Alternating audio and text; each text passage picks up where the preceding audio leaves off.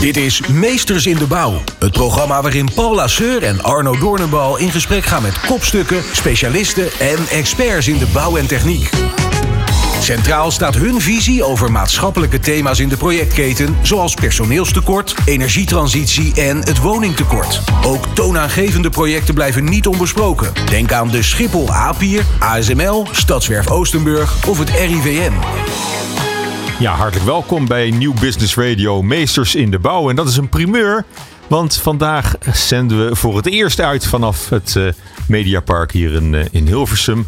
En omdat het zo'n feestelijke, bijzondere uitzending is, hebben we ook een bijzondere gast uh, vandaag waar we mee gaan praten met Meesters in de Bouw, namelijk Philip van Nieuwenhuizen. En Philip is president van de European Builders Confederation, zeg maar het lobbykantoor in Brussel voor midden- en kleinbedrijven in bouw en techniek. En je bent ook voorzitter van de vereniging MKB Infra. Hartelijk welkom, Philip. Goed dat je er bent. Ja, dankjewel. Ik vind het een hele eer dat ik deze eerste uh, uitzending mag bijwonen. Ja, nou, we zijn ook heel blij dat, uh, dat je met ons uh, wil praten. En helemaal omdat het zo'n bijzondere uitzending is. Ja, zeg ik het goed als je zegt onze man in Brussel namens, namens al die bouwbedrijven hier in het midden- en klein segment? Ja, in ieder geval voor, de, voor het MKB klopt dat, ja. ja. ja. Ik uh, ben sinds april ben ik voorzitter van de European Builders, Builders Confederation. Uh, dat is een uh, organisatie van een zestiental nationale verenigingen van MKB-bedrijven in de bouw en infrastructuur. Alles bij elkaar denk ik dat wij een, nou ja, een kwart miljoen ondernemingen vertegenwoordigen. Althans, die rechtstreeks aangesloten zijn bij onze lidorganisaties. Maar we spreken natuurlijk eigenlijk voor alle MKB'ers in de bouw in Europa. Want als wij iets voor elkaar krijgen, dan is dat niet exclusief voor onze, van de leden van onze leden. Maar dan is dat voor, voor alle bedrijven. Oké, okay, maar dat is dus voor heel Europa? Ja. En in, in Nederland ben je voorzitter van de vereniging uh, MKB Infra? Klopt. Dus dat is, dat is zeg maar, uh, dat is meer voor de Nederlandse achterban. Ja, dat is uh, waar ik thuis ben, hè, om het zo maar te noemen. MKB Infra is een, een organisatie van familiebedrijven die zich bezighouden met de creatie van uh, de basiswaarden voor het functioneren van onze maatschappij. Sommige mensen zeggen, die maken toch infrastructuur? Ik zeg, ja, maar realiseer je dat die infrastructuur dat dat de basiswaarden zijn waar, die we nodig hebben om deze maatschappij te kunnen laten functioneren. Want uh, iedereen denkt het gaat over wegen, maar het gaat over veel meer dan wegen. We hebben natuurlijk ook ondergrondse infrastructuur, waardoor je schoonwater en vuilwater uh, kunt scheiden. Uh, wat voor de volksgezondheid erg mm. van belang is. Uh, we hebben kabels die de communicatie verzorgen. We hebben leidingen die ervoor zorgen dat je je huis lekker warm kunt krijgen. En dat je stroomvoorziening hebt. En nou ja, als ik nog even door kan gaan. We hebben ook bijvoorbeeld dijken die we aanleggen als infrastructuurbouwers. en die dijken zorgen ervoor dat de helft van Nederland droog ja. blijft staan. Dus het, is, het is net even iets meer dan alleen de verbinding tussen A en B via spoor, water of wegen. Maar nogmaals, het is de maatschappij zou niet kunnen functioneren zonder het werk wat onze leden doen. Mm -hmm. En is dat eigenlijk de, de, de, de hoofdmoot van wat je doet? En, en komt dat, dat Europese verhaal, komt dat daarbij? Nou, ik heb uh, vanuit MKB Infra zijn we lid bij de aannemersfederatie mm. Bouw en Infra. En daar zitten dus uh, meerdere disciplines bij uh, verenigd. bouwbedrijven, ook gespecialiseerde aannemers, betonvlechters, uh, slopers, nou ja, noem het maar op, metselaars. En vanuit die organisatie ben ik eigenlijk uh, aangewezen om uh, ons te vertegenwoordigen in Brussel. En nadat ik daar een paar jaar in het bestuur heb gezeten, hebben ze gezegd van, joh, je spreekt je talen, je weet redelijk veel van aanbesteden, je komt uit een aannemersnest. Dus ehm, zou goed zijn als jij ons gaat, uh, huh? gaat leiden als, als voorzitter. En in Europa heet dat president. Uh, dus, uh, Klinkt ook beter, hè? Ja, dat vind, vind ik niet of vind je te, te veel? een beetje te veel eer. te veel Zeker omdat in, er veel landen zijn waarin ze er nog aan hechten om die formele aanspreektitels te gebruiken. En dan wordt het Mr. President. En in het begin keek ik dan om. Dan kijkt iedereen op. Nee, maar ik keek dan om en denk, is er een president in de buurt? ja. ja.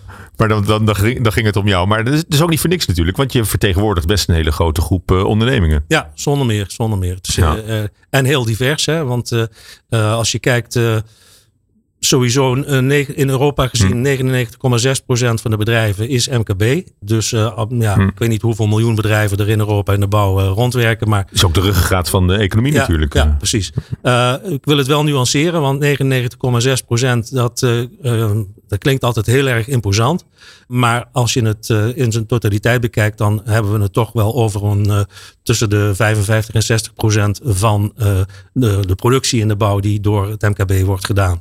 En laten we wel wezen, je hebt groot, midden en klein hm. nodig in de bouw. En zeker ook de gespecialiseerde kleine bedrijven, want daar zit de bulk van de leden van de European Builders hm. Confederation, die zeg maar helemaal achteraan in de keten zitten, of in ieder geval onderaan in de keten. Een hoofdaannemer die een metselbedrijf inschakelt, of die een vloerenlegger inschakelt, et cetera. Dat zijn uh, de uh, micro-entreprises, zoals ze dat in het Frans noemen, mm. microbedrijven uh, met maximaal tien, in, tien medewerkers. Mm dat is de bulk van de leden van, eh, van, eh, van de leden van de European Bills Conference. Oké. En jullie proberen dus invloed uit te oefenen op het, op het beleid van de Europese Commissie in, in Brussel. Hoe groot is jullie organisatie, de, de, de EBC? Ja, het klinkt altijd erg groot als je het over zo'n uh, European Builders Confederation hebt. En, uh, en een president aan het ja, hoofd. Met een president. Ja, we bestuur hebben we ook een vrij groot bestuur. Maar onze staf in Brussel is uh, vijf man groot. We hebben een redelijk actief bestuur waar bestuursleden dus ook nog eens... Waarschijnlijk ook uit, uit, uit al die landen dan Ja, ons totale bestuur. We hebben een gewoon bestuur, een algemeen bestuur en een dagelijks bestuur. En uh, de zeg maar, dagelijks bestuur die, die zijn ook wat actiever uh, bij het beleid van, uh, van het secretariaat betrokken. Maar nogmaals, het klinkt alsof het weinig is, vijf, vijf personen. Maar die mensen die, die doen heel goed werk. En als ik nou kijk, de FIEC, eh, de afkorting is volgens mij Fédération Internationale des Entreprises en Construction. Uh, die hebben geloof ik tweemaal meer. Ja. Uh, dus dat, dat, zijn de, dat is de vertegenwoordiging van het, het grootbedrijf ja. en, en de bouw in, in Europa. Dus met andere woorden zijn alles bij elkaar twaalf man die goed met elkaar samenwerken. Die... Goed, een kleine club die wel voor grote belangen opkomt. Dat, dat lijkt me dan duidelijk. Maar... Um, uh, wat is jullie belangrijkste uh, agendapunt? Telkens weer. Waar, waar hebben jullie het steeds over? Wat proberen jullie echt uh, voor elkaar te krijgen? Nou ja, als, als, je één ding moet noemen. Als de European Builders Confederation gaat, dan gaat het dus om de werkbaarheid van alles wat er uit Brussel komt voor het MKB.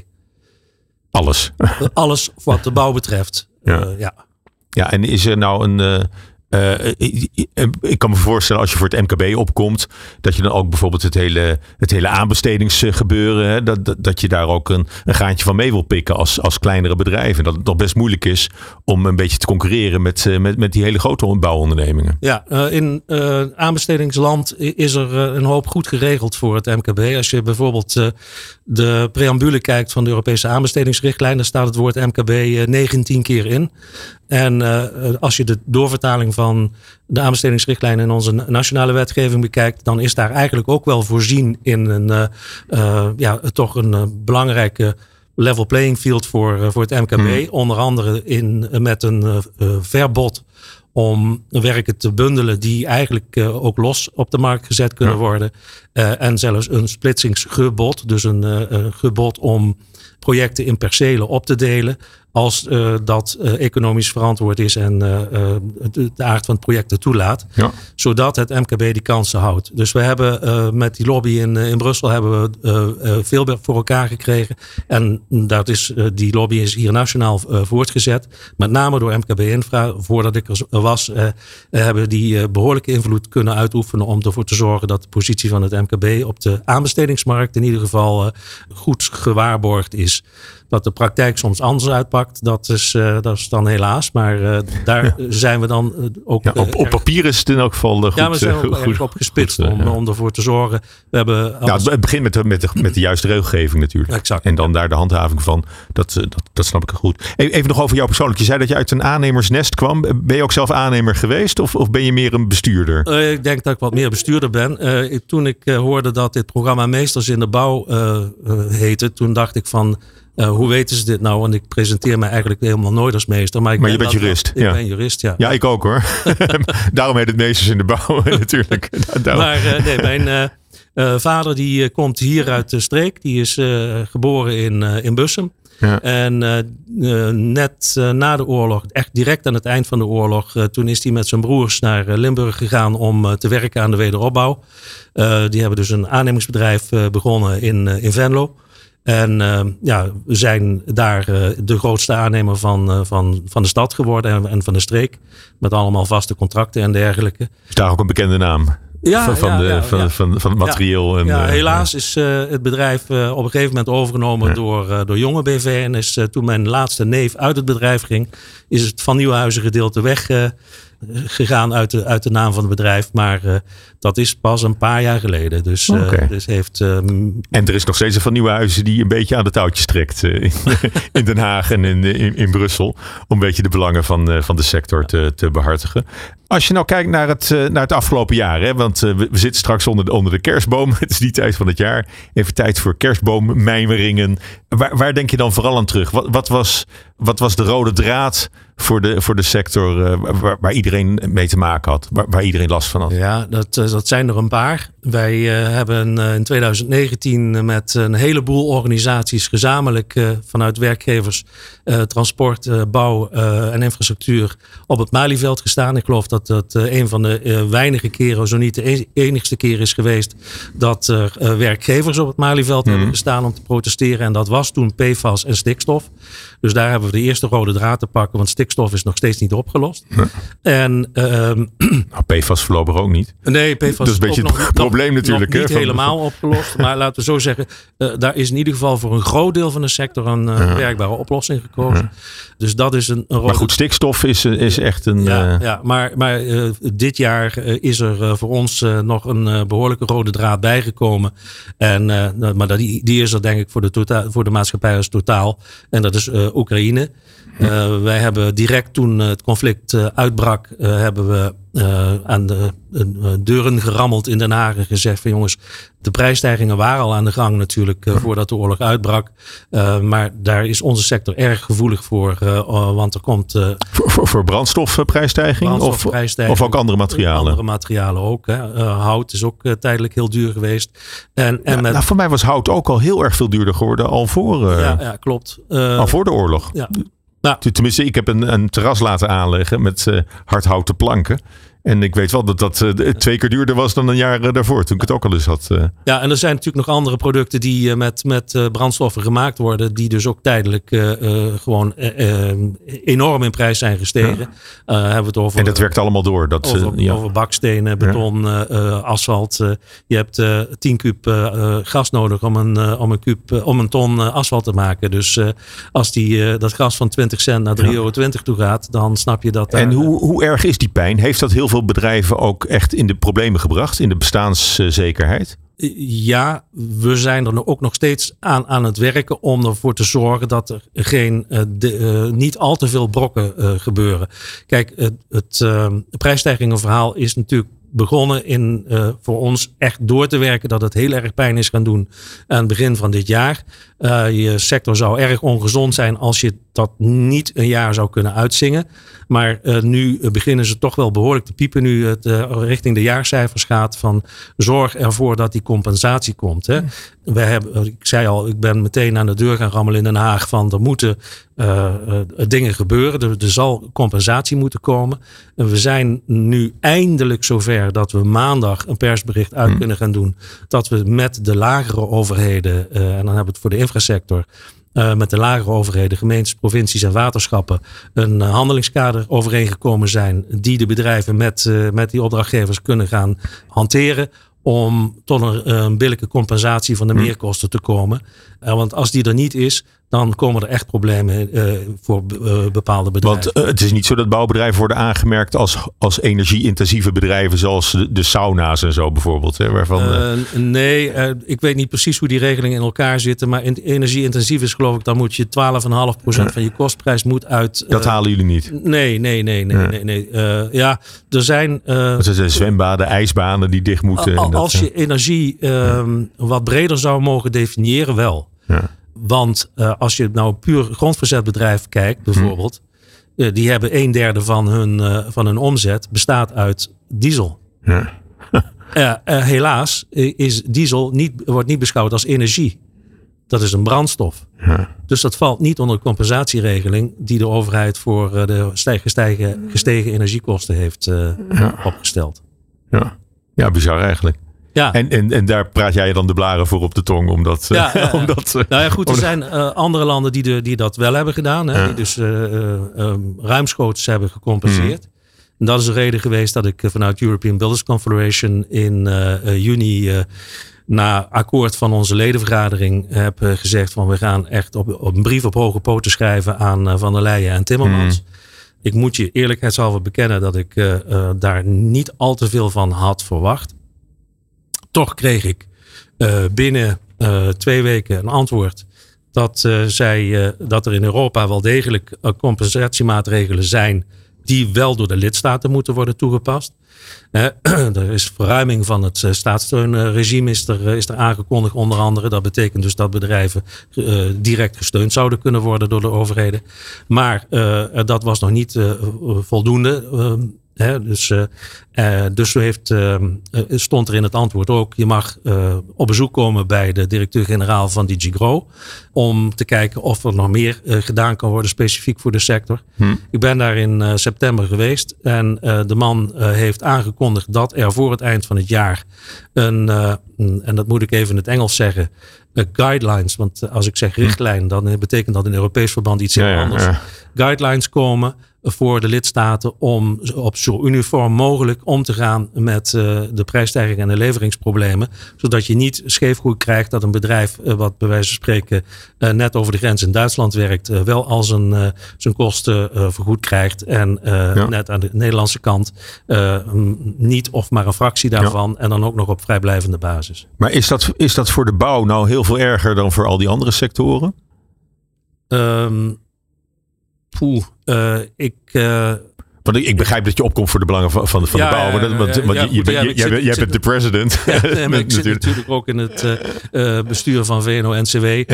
En daar, toen het net die, die energieprijzen zo omhoog gingen. Toen zaten daar echt collega's met de tranen in hun ogen.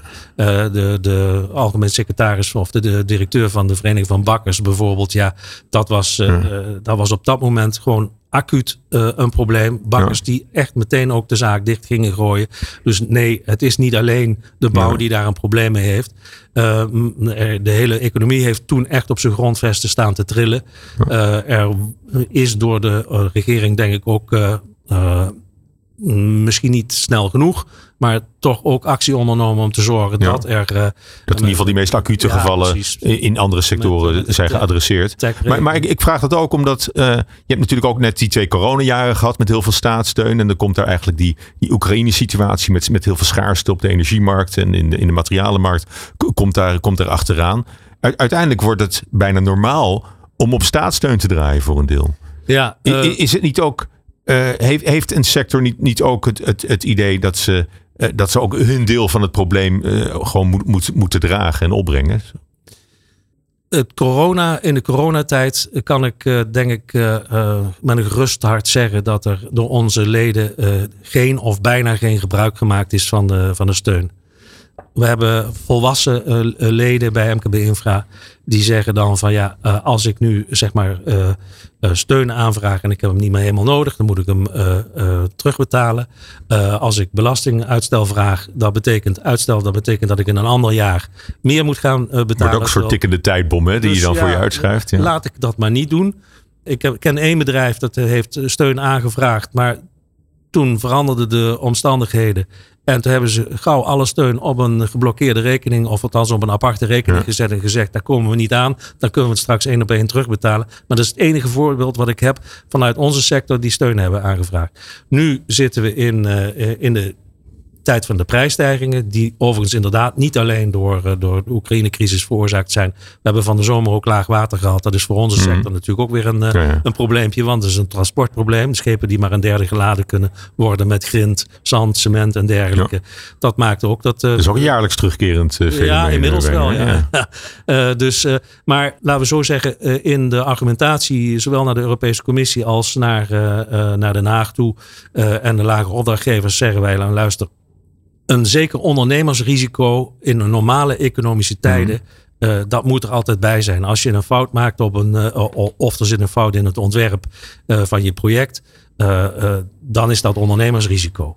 Ja. als er normale fluctuaties zijn, wat heet normaal, maar in ieder geval inflatie, mm. mutaties zijn in de prijzen, ondernemersrisico. Sorry, ja, je hebt, gaat een Hmm. project aan voor een bepaalde tijd. Als je daar geen indexeringsregeling op weet overeen te komen, dan kun je afzien van, je, van het project of je neemt het risico. Maar hier zijn de risico's eh, niet beïnvloedbaar op geen enkele manier. Ja. Niet door voorraadvorming, niks. Eh, niet door prijsonderhandelingen. Gewoon omdat er een oorlog gaande is. Ja. En eh, daarvan zeggen wij van ga daar in ieder geval billig mee om. En maar laat in ieder geval zeker niet 100% van dat risico voor de rekening van je ondernemers komen. Die ondernemers die, ja, van, die je ontzettend hard nodig hebt. Wat ik straks al zei voor de, het creëren en onderhouden van de basisvoorwaarden functioneren van de maatschappij. Maar ook voor, eh, voor de woningbouw. Hè? Want, Ja. eh, want de bouwers eh, zijn ook hard nodig. De energietransitie. Nou ja, maar, maar, maar is, dat, is dat niet, ben je uiteindelijk niet meer geholpen met allerlei overheidsprojecten? hè? Van die miljarden investeringen aan, aan, groot, vooral in de infra is dat natuurlijk bekend. Dat, dat soort projecten. Daar zou je meer mee geholpen zijn misschien dan met, met, eh, met directe geldelijke steun. Een, ja, geldelijke steun heb ik het ook niet echt over gehad. Ik heb het gehad over de compensatie van de prijsstijging Hm. op het project. Hè. Dat, is, dat is wat anders dan dat je zeg maar een bedrijf wat Je hand op ophoudt. staat Ja. eh, zegt van nou hier heb je eh, een tijdelijke of een definitieve bijdrage aan je ehm, Gasrekening. ja, of, of aan je bedrijfsvoering, waardoor je, of aan je, je stabiliteit, Hmm. financiële stabiliteit, waardoor je door de moeilijke tijden heen kunt komen. Nee, Ja. dit is gewoon, je betaalt eigenlijk gewoon voor, als je bij een restaurant gaat eten, dan zijn daar de prijzen ook gestegen. Ja. Eh, daar betaal je dus meer voor het product. Alleen, in dit geval is het eten. eh, eh, is, is zeg maar een- een week van tevoren besteld tegen de prijs van de week van tevoren. En moet die ondernemer leveren op het moment dat die Ja. prijzen gestegen zijn. Ja. Ja, en, en, en, die- en die meerprijs eh, of die, of die meerkosten, die, die zou je graag doorberekenen. Dat, dat, is, dat, dat lijkt me heel goed. Hoe, ehm, want uiteindelijk is het ook wel weer een prettig vooruitzicht, lijkt mij, voor de hele, voor de hele sector. Dat we zo'n ontzettend ambitieuze eh, bouwagenda hebben voor Nederland. Ja, nou, daar zijn we Hè, ook- voor, voor het gemak zeggen we altijd een miljoen woningen erbij in 2030. Ja. Dat, dat zijn er in de praktijk iets minder waarschijnlijk. Maar, ja, er eh, zijn er 900.000 eh, nieuwe woningen, waarvan 650 ook daadwerkelijk gebouwd moeten worden. 200, 650.000, eh 250.000 is transformatie. eh, van nou, daar, daar, daar kan de schoorsteen toch wel van roken. Dat kan die zeker. En als je ook ziet wat er eh, aan infrastructuurplannen is en wat er aan achterstallig onderhoud en vervanging en renovatie moet worden gedaan, zou je zeggen van Ja, de bruggen. geen centje pijn. Ja. Maar, ja, en het is natuurlijk eh, eh, wel zo dat we, eh, en dan kom ik toch weer even terug op die rode draad die ik als eerste noemde, het stikstofprobleem. Even los van het feit dat er inmiddels ook een andere rode draad aan het ontstaan is. En dat is het eh, capaciteitsprobleem. En dat bedoel ik niet, Mm. niet, nog niet zozeer in de uitvoering. Maar als wel in, Mm. in het feit dat we eh, ook moeten zorgen dat er vergunningen eh, loskomen. Dat het vergunningsverleningsproces eh, ingewikkelder is geworden door de Porto's uitspraak. die zegt van je moet nu eigenlijk nagenoeg overal moet je een natuurvergunning voor, eh, voor aanvragen. Als de Binnenhofuitspraak straks ook nog eens een keer negatief uitvalt. Dan kun je zelfs geen onderhoud meer doen zonder dat je een natuurvergunning aanvraagt. Nou, dat werkt allemaal extra capaciteit bij de vergunningverleners die al met capaciteitsgebrek zitten. Dus eh, daar eh, komt dus eh, wel een, een behoorlijk vertragende factor Ja. uit.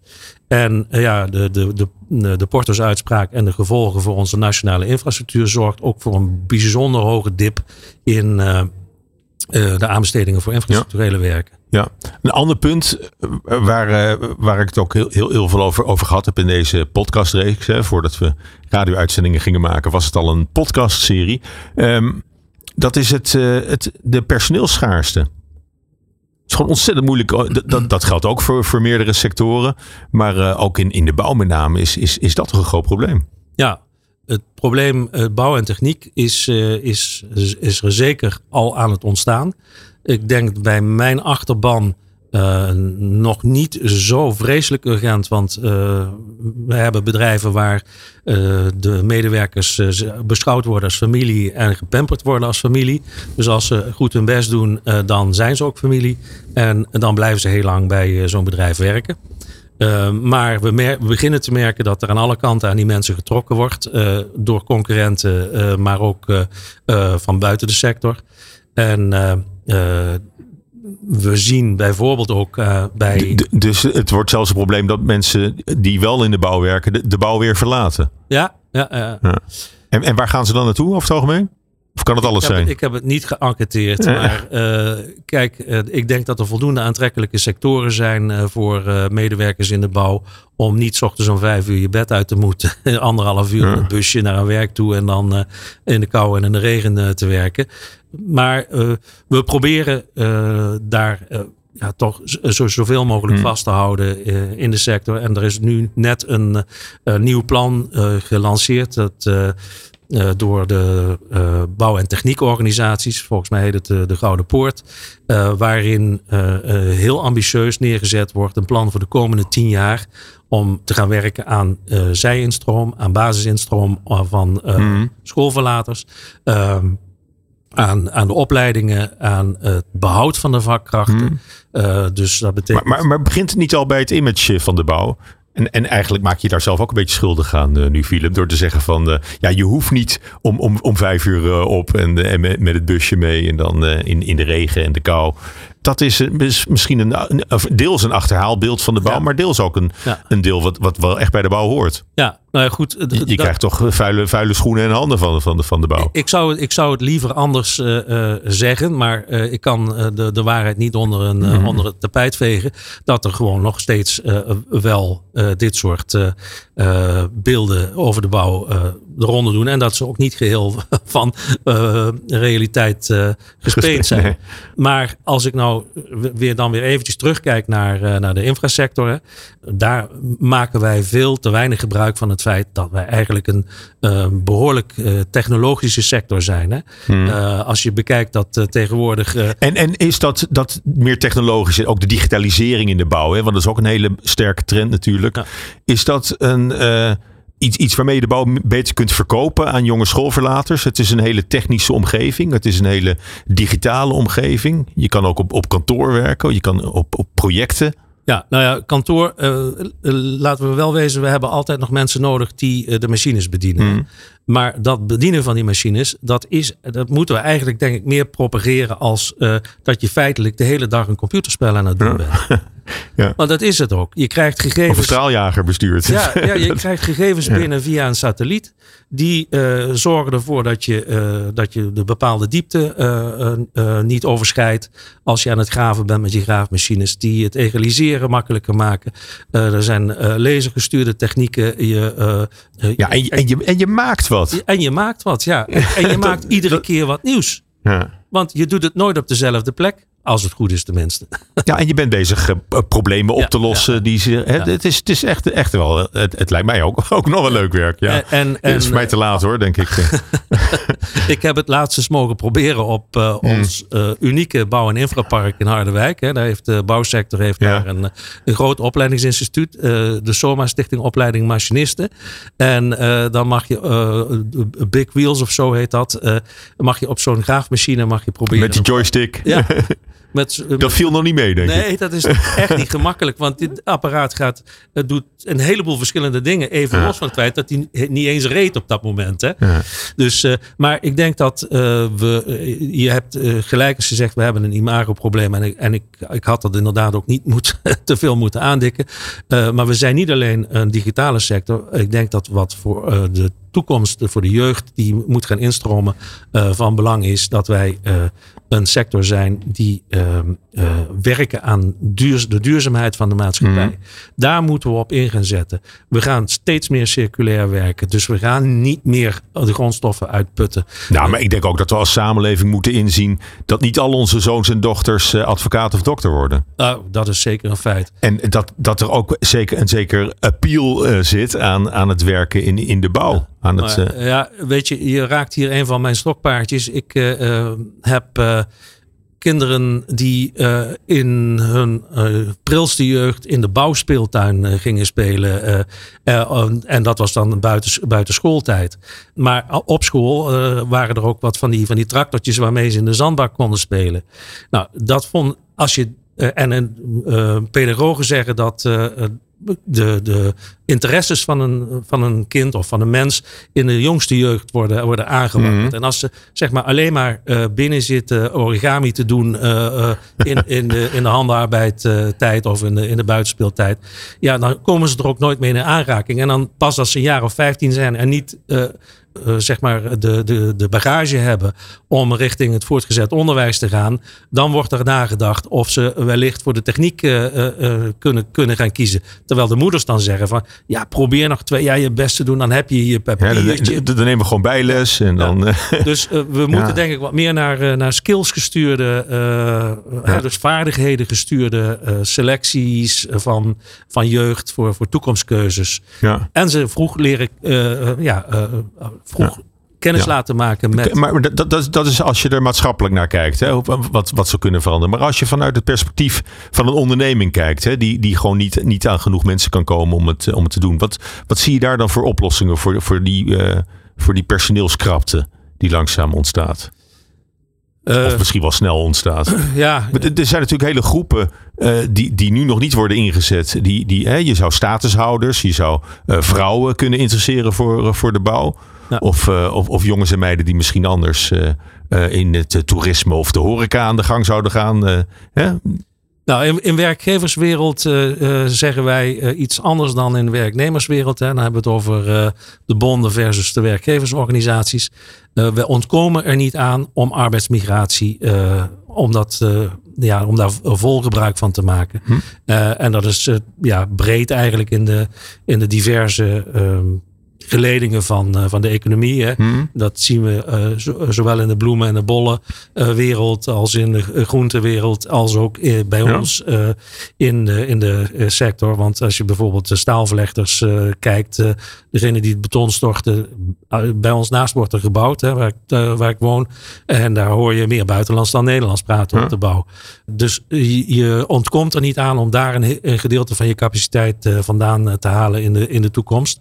Wat eh, heel erg Ja, daar wordt ook vaak wel gezegd. eh, hoe zit het dan met de veiligheid? Hè? Met de communicatie op de bouwplaats, waar, waar al die zware machines draaien. En eh, van hé, hey, kijk uit.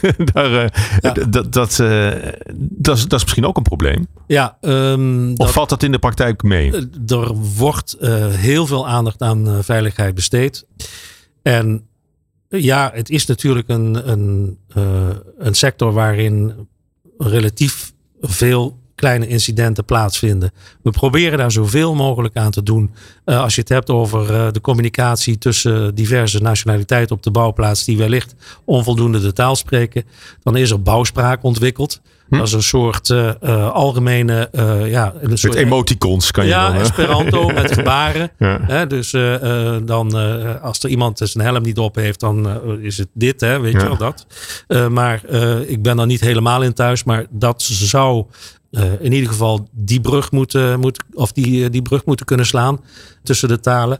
En ehm, elke medewerker eh, op, eh, op bouwprojecten wordt geacht eh, de generieke poortinstructie te hebben gedaan. Dus dat betekent dat hij eh, een veiligheidsopleiding, en dat is een, Ja. eh, een, digitaal eh, ehm, instrument Ja. met, met videoopnames en dergelijke. Ja. Maar, En maar goed, maar goed jij, jij, jij, eh, spreekt ook namens heel veel bedrijven met eh, eh, eh, familiebedrijven met, eh, met, met tien man in dienst of Ja. zo. Is dat daarvoor een, eh, een, eh, een zware opgave om aan al dit soort ontwikkelingen, om, om daar, dat bij te kunnen benen, om daaraan te kunnen voldoen? Ik denk dat het dat, al- als je zeg maar puur naar hoe het volgens de regels zou moeten kijkt, dat dat allemaal wel ehm, ja, er weer bij komt. Maar eh, als ik naar eh, mijn eigen leden kijk, dan weet ik dat die ochtends toch even een, eh, een praatje houden met het personeel, een veiligheidspraatje. En er erg veel belang bij hebben, want hun belangrijkste kapitaal zijn hun mensen. Eh, dat die mensen s'avonds ook gezond weer naar huis toe gaan en de volgende dag weer kunnen komen werken. Dus ehm, misschien dat ze, als je het allemaal erg helemaal strikt volgens de regels zou doen, dat dat te veel werk is. Maar ze zorgen er op hun manier voor dat hun mensen eh, ja, Ja. zo lang mogelijk inzetbaar blijven. En eh, de, de dingen die wettelijk verplicht zijn, die, die blijven ze wel doen, uiteraard. Ja. En ehm, nou ja, een andere manier om met de personeelskrapte om te gaan is natuurlijk dat je een, een, een vaste kern hebt in het bedrijf, maar daarnaast van een flexibele schil eh, gebruik gaat maken. Ja, Is, is dat ook iets waar, waar, werkgevers en werknemers tegenover elkaar staan? In het uh, breed inzetten van een flexibele schil? Ja, werk, uh, werknemers willen natuurlijk uh, zo vast mogelijk contracten. En werkgevers die zijn erg gebaat bij een flexibele schil.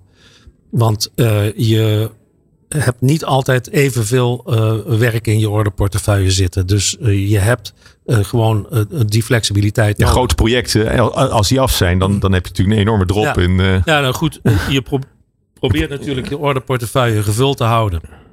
Maar het kan best zijn dat, uh, dat je een keer een aanbesteding gemist hebt. En dat je een keer een maandje stilstaat. Nou, uh, dan kun je je materieel op laten schilderen. En je werf uh, schoon laten maken. Maar dat is ook een keer, dat, dat, maar, dat is na een week wel af. Ja, ja. dat moet op een gegeven moment, ja. en het is ook wel zo dat ehm, inmiddels, als ik nou kijk hoe het ons familiebedrijf destijds functioneerde. Daar hadden we nagenoeg alle disciplines die met het bouwen te maken hadden, hadden we in huis. Ja. Uh, van timmerlieden uh, tot uh, metselaars, voegers, noem het maar op. Maar als het op elektra en, en, gas en dergelijke aankomen, dan had je natuurlijk installatiebedrijven. Ja. tegenwoordig is dat niet meer zo. Een, een BNU-bouwer die heeft uh, vooral de regie op de bouw. Hm. En die heeft uitvoerders en uh, ik denk ook uitzetters. Dus uh, de, degene die, het, die de maatvoering en alles moeten, moeten neerzetten. En voor de rest werken die heel veel met flexibele schillen. Met een metselbedrijf, met een vroegbedrijf. dat zijn als ik bij de Arnhemsfederatie kijk, dat, dat zijn allemaal specialismes die een eigen hmm. vereniging ook hebben. Uh, en met uh, ja, de bedrijven die dat werk voor de grotere aannemers doen. Ja. In de infrastructuur is dat, uh, is dat veel minder. Uh, hoewel, als ik zeg uh, minder, dan moet ik ook wel meteen erkennen dat bijvoorbeeld het straatwerk, dat dat ook heel vaak uitbesteed wordt. Ja, en ook het, het, het, wat, het wat hogere werk, wordt dat niet ook door, door projectteams uitgevoerd? Zeker, ja, gebeurt ook. Uh, bij de ook grotere, werkvoorbereiders, ja, uitvoerders. Uh, bij het MKB daarentegen uh, proberen ze juist die, die functies in eigen huis te houden. Hmm. Bij de hele kleine bedrijven is dat uiteraard de baas zelf nog. Ja. Vaak met, uh, met, een, met een, een uitvoerder ja. erbij. Die gewoon de regie heeft over, uh, over de bouw. Maar op het moment dat je uh, naar bedrijven gaat kijken die 10, 12 man op, op kantoor hebben zitten. dan wordt dat, wordt dat wel een interessante optie. omdat uh, wij op de een of andere manier uh, als MKB niet aantrekkelijk zijn voor uh, wetenschappelijk geschoolde mensen die kantoorbanen hmm. ambiëren. Die gaan naar, of naar de overheid toe of naar ingenieursbureaus. En HBO'ers, ja, daar wordt behoorlijk om gevochten in, in de sector. dus ik denk dat daar in de toekomst zeker wel markt is voor, voor, voor bedrijven die die flexibiliteit kunnen leveren. alleen zou het ook zomaar kunnen zijn dat uh, zo'n medewerker die eerst flexibel binnenkomt, uitstekend bevalt en dan, uh, zoals ik al eerder zei, opgenomen wordt in de familie. Hè? Dus, ja. Uh, nou ja, goed, maar het zijn vaak ook projecten die, die, die soms een aantal jaren kunnen, kunnen duren ja, natuurlijk. Zeker. Dan, dan, dan draai je feitelijk al mee. Dan maakt het eigenlijk niet meer uit welk, op, op welk contract je staat in hmm. zo'n op de, op de bouwplaats. Um, weet je, het is ook een moment om. om uh, we hebben nu teruggekeken eigenlijk op het, op het afgelopen jaar. Wat er allemaal gaande is, wat, wat er verandert. Als je nou vooruit kijkt naar, naar de komende jaren. Waar, waar zie je het snelst uh, verbeteringen optreden? Waar verwacht je dat? Denk je dat die, die, die personeelskrapte, dat dat ook als de economische groei terugvalt bijvoorbeeld, of als ze zelfs in recessie gaan, dat daarmee ook die krapte op de, op de arbeidsmarkt wel weer wat, wat, wat mee gaat vallen? Nee, ik denk dat wij een structureel probleem daarin hebben. Ik ben uh, van de zomer ben ik uh, op bezoek geweest bij verschillende houten van de Europese Commissie. bij degene die verantwoordelijk is voor public procurement, dus voor overheidsopdrachten mm-hmm. binnen DigiGrow. En uiteindelijk ook bij de directeur-generaal van DigiGrow. En daar ben ik met het verhaal naar binnen gestapt dat we onder ogen moeten zien dat uh, aanbestedingen volgens de regels zoals die nu gelden, uh, dat dat een illusie is dat dat stand kan blijven houden in de toekomst. Dus we moeten gaan nadenken van hoe moet dat anders. Uh, ja, waarom dan? Waarom dan? Die, regels bieden allerlei flexibiliteit om innovaties te doen. Ik zeg ja, maar innovatie is prima. Maar als je geen mensen hebt, dan krijg je straks geen competitie meer. En de regels zijn gebaseerd op competitie.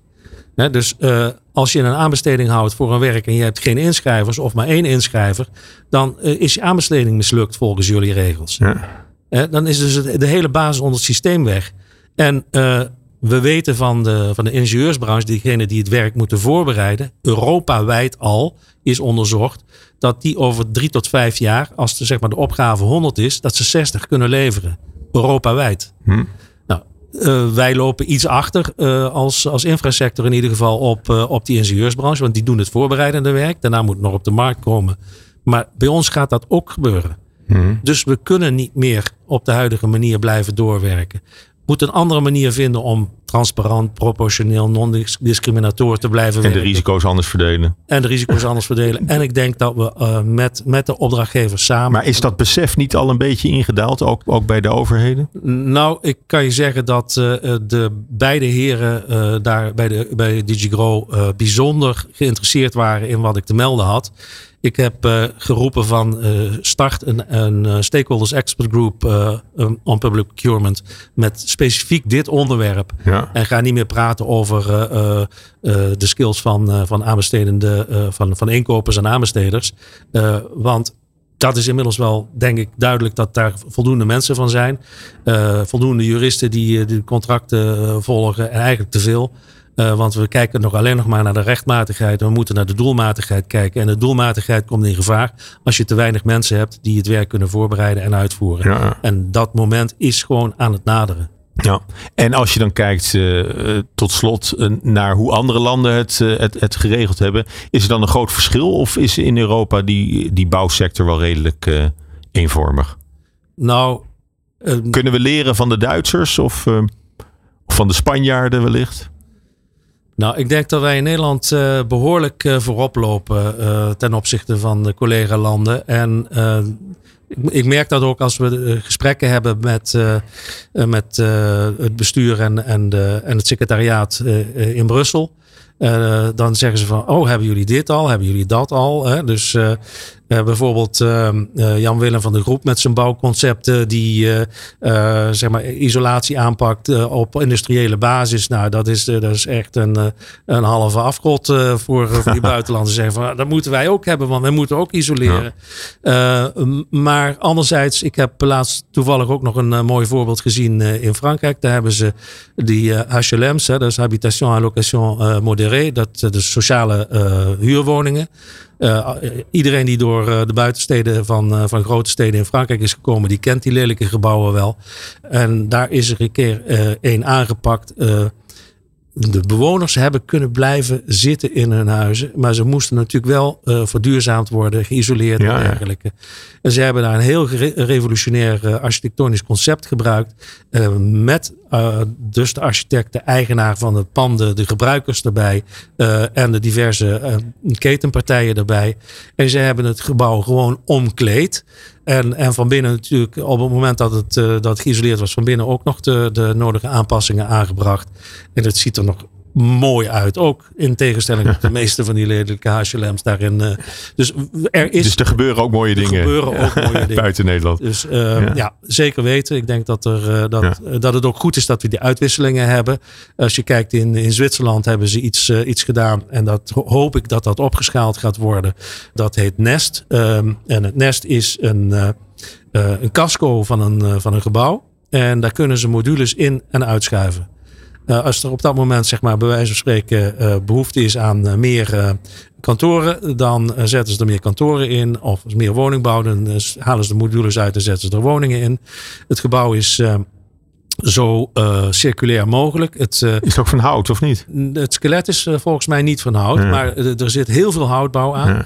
En uh, als je ziet welke partijen daarbij betrokken zijn geweest, dat zijn nagenoeg alleen maar MKB'ers. Ja. En die hebben iets neergezet dat produceert zijn, uh, zijn eigen energie, maar levert ook nog energie aan naastgelegen garagebedrijf.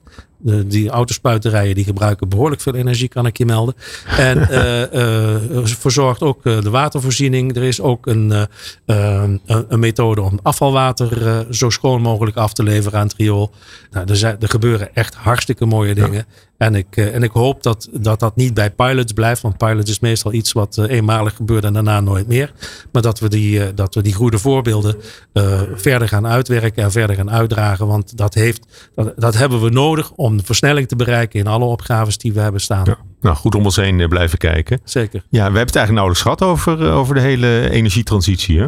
Maar dat, dat is ook zo'n belangrijk uh, item natuurlijk. Ja. Dus uh, nou ja, misschien wil je nog wel eens uh, terugkomen ja, naar, naar, naar Meesters in de Bouw. hartelijk dank. Zijn we er al doorheen? ja, we zijn er al doorheen. We, we zijn door de tijd heen. Filip van Nieuwenhuizen, hartelijk dank voor je komst. Ja, dankjewel. En, Graag en je, gedaan, Paul. je uitgebreide verhaal. Dus ik, ja, dit was Meesters in de Bouw. We waren in gesprek met Filip van Nieuwenhuizen, president of the European Builders Confederation. Het lobbykantoor in Brussel voor midden- en kleinbedrijven in de bouw en techniek. Ook voorzitter van de vereniging MKB Infra. Hartelijk dank. Heel graag gedaan. Jij en jullie allemaal bedankt uh, voor het luisteren. En graag tot de volgende aflevering van Meesters in de Bouw hier bij Nieuw Business Radio. Dank jullie wel. Dank voor het luisteren naar Meesters in de Bouw. Wil je meer weten over Velox of werken in de bouw? Bekijk dan ons online magazine. Ga naar velox.nl/magazine voor meer info.